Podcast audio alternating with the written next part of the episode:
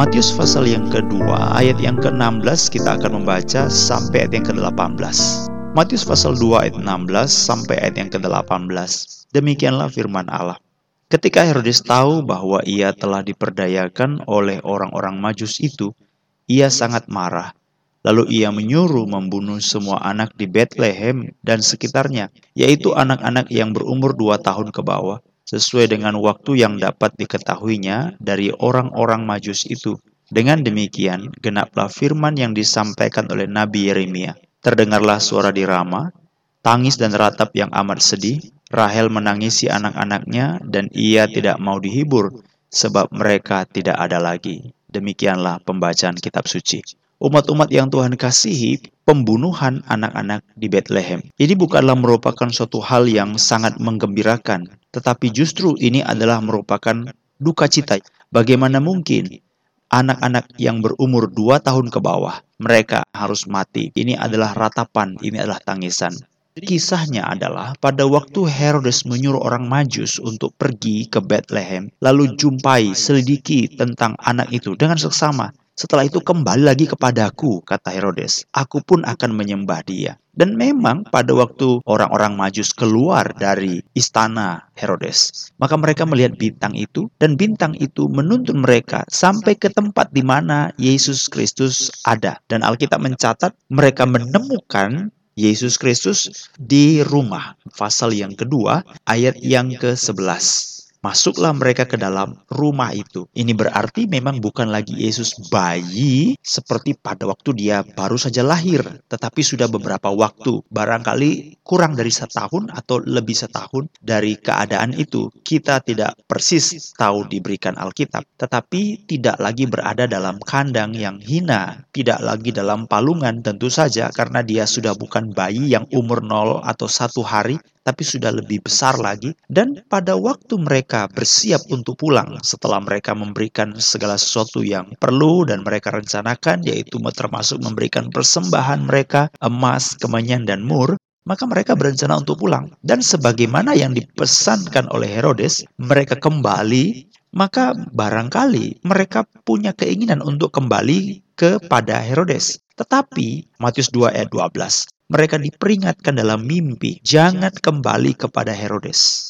Maka pulanglah mereka ke negerinya melalui jalan lain. Barangkali begitu mereka ketemu, lalu mereka mulai bercerita, lalu mereka mulai memberikan persembahan, atau sebaliknya, waktu mereka bertemu, mereka langsung sujud memberikan persembahan, lalu sedikit mulai bercerita. Tapi Alkitab mencatat diperingatkan dalam mimpi. Barangkali suasananya sudah malam, jadi mereka tidur, tidak tahu apakah hari berikutnya atau malam itu juga mereka akan pulang atau bagaimana, tidak diberitakan. Tetapi melewati satu yang disebut dengan mimpi. Dan mereka diperingatkan dalam mimpi itu, jangan kembali kepada Herodes. Maka pulanglah mereka ke negerinya melalui jalan lain. Dalam hal ini saudara-saudara, ini merupakan satu hal yang sangat indah sekali. Bagaimana kita sudah membicarakan tentang orang majus. Apakah orang majus ini adalah orang yang penyembah berhala atau bukan? Ya, kita mungkin mengatakan tidak. Walaupun mereka itu memiliki suatu kemampuan untuk melihat sesuatu, tetapi ini merupakan sebagai sesuatu filsafat pada masa di mana Daniel pun Tuhan memberikan kepada mereka dan kaum atau kelompoknya yang disebut dengan para bijaksana itu kemampuan untuk mengartikan mimpi, memberikan nasihat petua bijaksana, dalil-dalil tentang sesuatu yang dialami. Ya kita tetap menyerahkan semua dalam rencana Tuhan karena kita tahu bahwa setelah kita adalah orang-orang yang hidup dalam perjanjian baru. Setelah Kristus Yesus datang ke dunia ini, pelayanannya selesai dan dia naik ke surga. Dan setelah kitab suci telah selesai dibukukan bagi kita, maka kita tidak lagi percaya bahwa Tuhan berbicara melalui mimpi. Tetapi ini adalah kelompok-kelompok yang perlu kita berikan suatu perhatian karena mereka itu sebenarnya adalah orang yang boleh tahu bahwa ada raja dari bintang.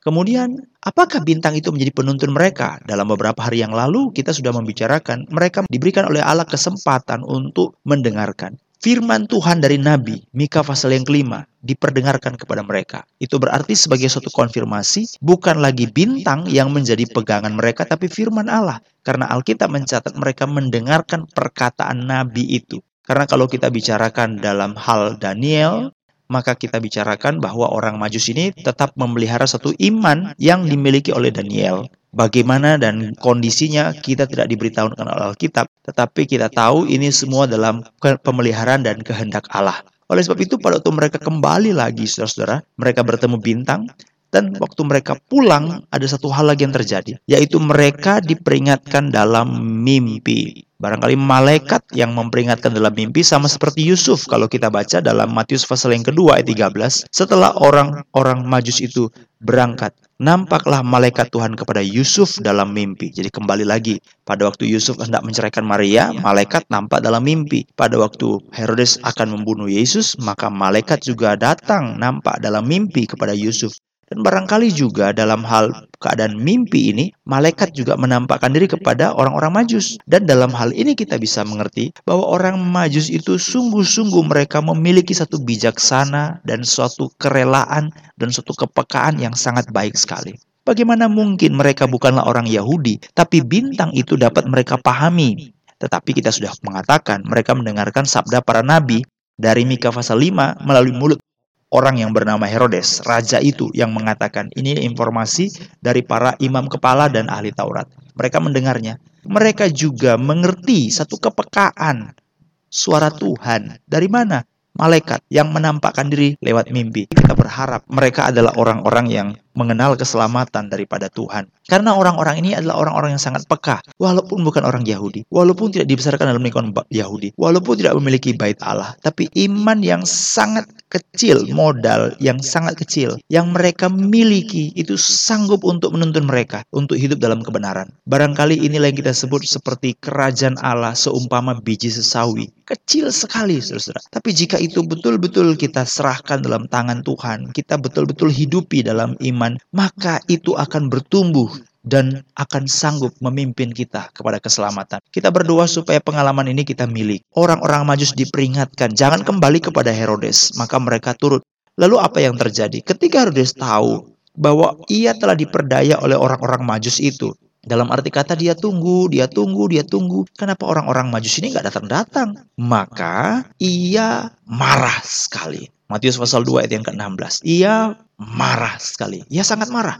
Lalu ia menyuruh membunuh semua anak di Bethlehem dan sekitarnya, yaitu anak-anak yang berumur dua tahun ke bawah. Saudara-saudara yang dikasih Tuhan, memang tidak dicatat dalam Alkitab kembali lagi, tetapi kita bersyukur kepada Allah karena bagian-bagian dalam kitab suci, penanggalan, kemudian waktu, tempat, nama-nama, pemerintahan, dan seterusnya, membantu kita untuk mengerti bahwa pada waktu Yesus lahir, itu adalah zaman daripada Kaisar Agustus, itu adalah zaman di mana Herodes Agung menjadi raja, umur atau usia dari Herodes itu sekitar 70 tahun. Saudara bisa membayangkan bagaimana seorang raja yang sudah sangat senior, umur 70 tahun, memiliki istana, kewenangan, dan segala sesuatu kekuatan militer, dan segala pengalaman, kiprah, dan apa yang dia kerjakan. Dia membangun, mengembangkan, melebarkan bait Allah, dan banyak bangunan-bangunan lain, saluran air, membangun istana Herodium di tempat yang nanti di mana dia dikuburkan dan begitu banyak lagi bangunan yang dia bangun. Ini orang yang memiliki pengalaman, baik pengalaman arsitektur, baik pengalaman pengadilan hukum, baik dari usia senior. Bagaimana mungkin orang yang berusia 70 tahun bisa sangat takut sekali dengan bayi yang umurnya di bawah 2 tahun? Bagaimana mungkin? Tidak masuk akal kan? Tetapi dari sinilah kita bisa mengerti bahwa orang-orang yang memang tidak mengenal Allah, dia itu betul-betul hidup di bawah suatu ketakutan. Orang-orang yang tidak mengenal Allah itu betul-betul hidup di bawah suatu intimidasi, ketakutan yang sangat besar sekali. Yang yang yang kalau Alkitab mau membicarakan, maka sebenarnya kita harus betul-betul memeriksa diri kita. Ya, saya ingin membacakan satu ayat Amsal pasal 28 ayat 1. Orang fasik lari walaupun tidak ada yang mengejarnya. Tetapi orang benar merasa aman seperti singa muda. Umur 70 tahun, dia memiliki kuasa, kekuatan, dan segala sesuatu. Barangkali sebentar lagi dia akan mati. Apa dia bisa hidup lebih lama lagi? Kalau dia pun menunggu seorang raja yang baru, raja ini umur berapa? Umur berapa? Raja yang bisa melakukan suatu revolusi, pemberontakan. Umur 18 tahun, umur 15 tahun, umur 18 tahun, atau umur 30 tahun. Berarti dia sudah umur 100 tahun kalau itu terjadi. Mengapa dia begitu takut? Mengapa dia begitu gentar? Dia umur 70 tahun. Orang fasik lari walaupun tidak ada yang mengejarnya. Ketakutan, paranoid, saudara-saudara. Itulah orang-orang yang berada dalam kefasikan. Dalam hal ini kita tahu, Herodes dikuasai oleh ketakutan yang berlebihan. Kita takut kalau tidak makan. Kita takut kalau tidak dapat pekerjaan. Kita takut kalau hidup terlunta-lunta. Kita takut untuk masa depan. Takut. Belajarlah menaruh pengharapan hanya pada Allah. Untuk sesuatu hal yang sangat tidak masuk akal pun bisa menjadi ketakutan apabila kita tidak mengerti apa artinya hidup dalam tangan Allah. Mari belajar kita berdoa supaya Tuhan menolong dan memberi kekuatan kepada kita untuk mensandarkan diri pada Allah dalam segala sesuatu. Tidak takut, takut dalam hal yang tidak masuk akal. Takut dalam hal yang tidak berlebihan. Takut untuk sesuatu yang belum pernah terbuktikan. Takut hanya berdasarkan opini atau bayangan atau imajinasi atau pikiran sendiri. Kita takut. Tapi mari kita berdoa supaya kita sungguh-sungguh belajar untuk mengasihi dan mencintai Tuhan. Pada waktu Herodes begitu marah dan akhirnya dia menyuruh membunuh semua anak di Bethlehem dan sekitarnya, yaitu anak-anak yang berumur dua tahun ke bawah, sesuai dengan waktu yang dapat diketahuinya dari orang Majus itu.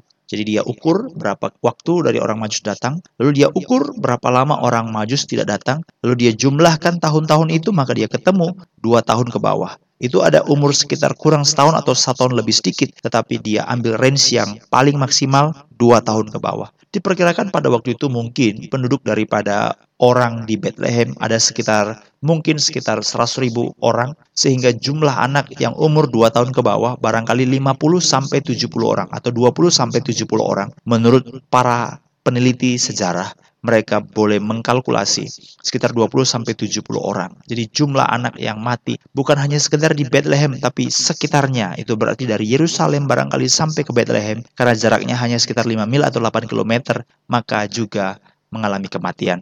Dalam hal ini kita bisa mengerti kenapa mengapa Tuhan tidak mencegah Mengapa? Mengapa Tuhan tidak menampar Herodes? Kalau kita baca kitab kisah para rasul, maka malaikat menampar Herodes dan Herodes mati. Tapi kenapa pada peristiwa ini Tuhan harus mengizinkan peristiwa anak-anak dua tahun dibunuh? Mengapa? Mengapa Allah tidak mencegah? Mengapa? Mengapa tidak ada campur tangan ilahi? Mengapa? Mengapa tidak ada tanda ajaib yang membuat dia mengurungkan niatnya? Seperti tangan yang tertulis di tembok dan hari itu juga mati. Seperti Raja Belsazar pada zaman Daniel. Mengapa? Ada begitu banyak pertanyaan defense, membela diri. Mengapa? Di mana Allah? Mengapa tidak ada pembelaan? Mengapa ada duka, air mata? Mengapa kematian, darah, pedang, pembunuhan, pembantaian anak-anak umur 2 tahun? Mengapa? Bagi kita ini merupakan suatu hal yang sulit diterima secara akal, secara humanis, secara jiwa, secara peri kemanusiaan. Sulit sekali menerima. Tapi kembali lagi saudara-saudara, ini adalah satu fakta bahwa keadaan manusia yang berdosa. Sehingga pembantaian, pembunuhan itu memang tidak bisa tidak terjadi sungguh. Karena pada waktu Alkitab sudah mencatat ada seorang yang bernama Kain berasal daripada sejahat. Dia membunuh adiknya yang tidak berdosa dan bersalah. Namun apakah Habel yang tidak bersalah itu merupakan pembiaran daripada Allah? Tidak. Alkitab mengatakan darahnya berteriak kepada Allah. Dan ini merupakan satu hal yang sangat-sangat penting kita renungkan. Walaupun anak-anak ini mati, tapi sungguh kita tahu ada sesuatu hitungan daripada Allah yang adil. Kita tidak mengatakan adil menurut menurut kita, menurut kita adil, tapi menurut Tuhan pasti tidak adil. Jangankan kita dengan Tuhan, kita dengan kita saja tidak adil. Kalau saya mengatakan keadilan itu A, orang B mengatakan keadilan itu lain lagi. Kalau saya mengatakan keadilan itu 20, kalau orang lain bisa mengatakan keadilan itu 27. Jadi keadilan antara manusia dengan manusia saja bisa berbeda, apalagi keadilan antara kita dengan Allah. Jadi apakah pembunuhan pembantaian anak-anak dua tahun orang Yerusalem ini merupakan orang Bethlehem Yerusalem merupakan suatu hal yang sesuatu dikehendaki oleh Allah? Pasti bukan. Tapi mengapa terjadi? Di dalamnya ada hikmat Allah yang tersembunyi. Biarlah kita serahkan kepada Tuhan. Karena kalaupun bukan kematian karena pedang, ada kematian karena perang. Ada kematian karena bencana alam, ada kematian karena gunung berapi, ada kematian karena hanyut, ada kematian karena begitu banyak alasan. Kematian adalah realita berdosa yang bisa terjadi karena satu dan lain hal yang memedihkan kita, bukan kematiannya barangkali, tetapi model, cara, pembantaian itu sendiri yang membuat kita merasa sedih. Tapi kembali lagi sebagai orang percaya, kita tahu di dalamnya ada hikmat Allah dan di balik itu semuanya ada keadilan Allah yang akan ditegakkan. Bukan berarti anak-anak ini akan otomatis masuk surga. Kembali lagi kita tahu di dalamnya semuanya ada hikmat dan bijaksana Allah. Bila kita serahkan kepada Tuhan. Tetapi sama seperti bagian-bagian Alkitab yang mungkin pil pahit harus kita telan. Sama seperti pada waktu Yusuf harus pergi ke Mesir dari perginya ke Mesir, maka genaplah firman Tuhan. Demikian juga pada bagian ini, dari pembantaian anak-anak itu, genaplah firman Tuhan. Satu ayat Alkitab dalam Matius pasal 10 ayat 34 dan 35. Matius pasal 10 ayat 34 35. Jangan kamu menyangka bahwa aku datang untuk membawa damai di atas bumi. Aku datang bukan untuk membawa damai, kata Yesus, melainkan membawa pedang. Aku datang untuk memisahkan orang dari ayahnya, anak perempuan dari ibunya, menantu perempuan dari ibu mertuanya, dan musuh orang ialah seisi rumahnya. Perhatikan satu kata yang penting, aku datang membawa pedang, kata Tuhan Yesus. Apa arti kalimat ini? Ada begitu banyak dimensi yang bisa kita petikan tentang bagian ini. Tetapi pada waktu anak-anak di bawah umur 2 tahun, akibat pedang daripada Herodes, mereka mati adalah suatu apa yang membawa kita ingat. Kenapa mereka mati? Karena kelahiran Yesus. Apakah kita merasa kelahiran Yesus merupakan suatu peristiwa yang hanya enjoy, hanya menyenangkan, hanya merupakan kenikmatan, hanya merupakan bagian di mana kita boleh pesta, foya-foya, kita boleh hidup sebagaimana perayaan-perayaan lainnya, festival-festival yang seolah-olah di dalamnya itu tidak ada beban, tidak. Natal, kelahiran Yesus bukanlah satu peristiwa yang netral. Natal, kelahiran Yesus bukanlah satu peristiwa yang sebenarnya hanya dirayakan secara dangkal. Tidak, tapi Natal di dalamnya ada beban. Ada beban apa? Ada beban iman. Ada beban apa? Ada beban firman Tuhan. Ada beban kebenaran. Ada beban apa? Ada darah yang tertumpah. Ini bukan bicara masalah darah daripada anak-anak itu yang menembus kita. Tetapi coba lihat, ada pedang yang menumpahkan darah dan itu adalah pada waktu kedatangan dia pertama kali. Dia berkata, "Aku datang untuk bukan membawa damai, melainkan pedang. Aku datang untuk membawa damai di atas bumi. Jangan kamu menyangka demikian. Aku datang bukan untuk membawa damai, melainkan pedang." Jadi dalam hal ini kita bisa ingatkan, jangan sampai terbuai, jangan sampai terlena. Iblis mengatakan perayaan Natal adalah perayaan sukacita. Itu betul, tapi sukacita yang ditawarkan bukanlah sukacita seperti yang dipikirkan atau ditawarkan oleh iblis, tetapi sukacita haruslah sesuai dengan kebenaran dan firman Allah. Dan ada darah yang tertumpah di situ, ada pedang yang terhunus di situ, ada suatu pembantaian yang terjadi di situ. Kapan? Pada waktu Yesus datang. Natal itu ada beban, ada beban kematian, ada beban pemisahan, pemisahan, kematian, suatu harga yang tidak inginkan oleh orang. Siapa yang ingin ada kematian pembantaian? Tapi itu Allah izinkan terjadi untuk menjadi sesuatu ukuran, hukuman, keadilan bagi siapa? Bagi orang fasik. Tetapi penghargaan bagi siapa? Bagi orang-orang benar. Untuk menunjukkan fakta keadaan manusia yang berdosa, tetapi untuk menunjukkan bahwa Allah benar dalam segala hikmat bijaksananya. Ada begitu banyak hal, dan kita juga boleh lihat bahwa dalam hal ini, apa yang Kristus katakan tidak main-main. Apa yang Kristus katakan adalah benar adanya. Dia datang untuk bawa pedang. Dan biarlah Tuhan boleh ingatkan kita, jangan terbuai, jangan terlena dalam segala hal. Kita mau ikut kehendak Tuhan.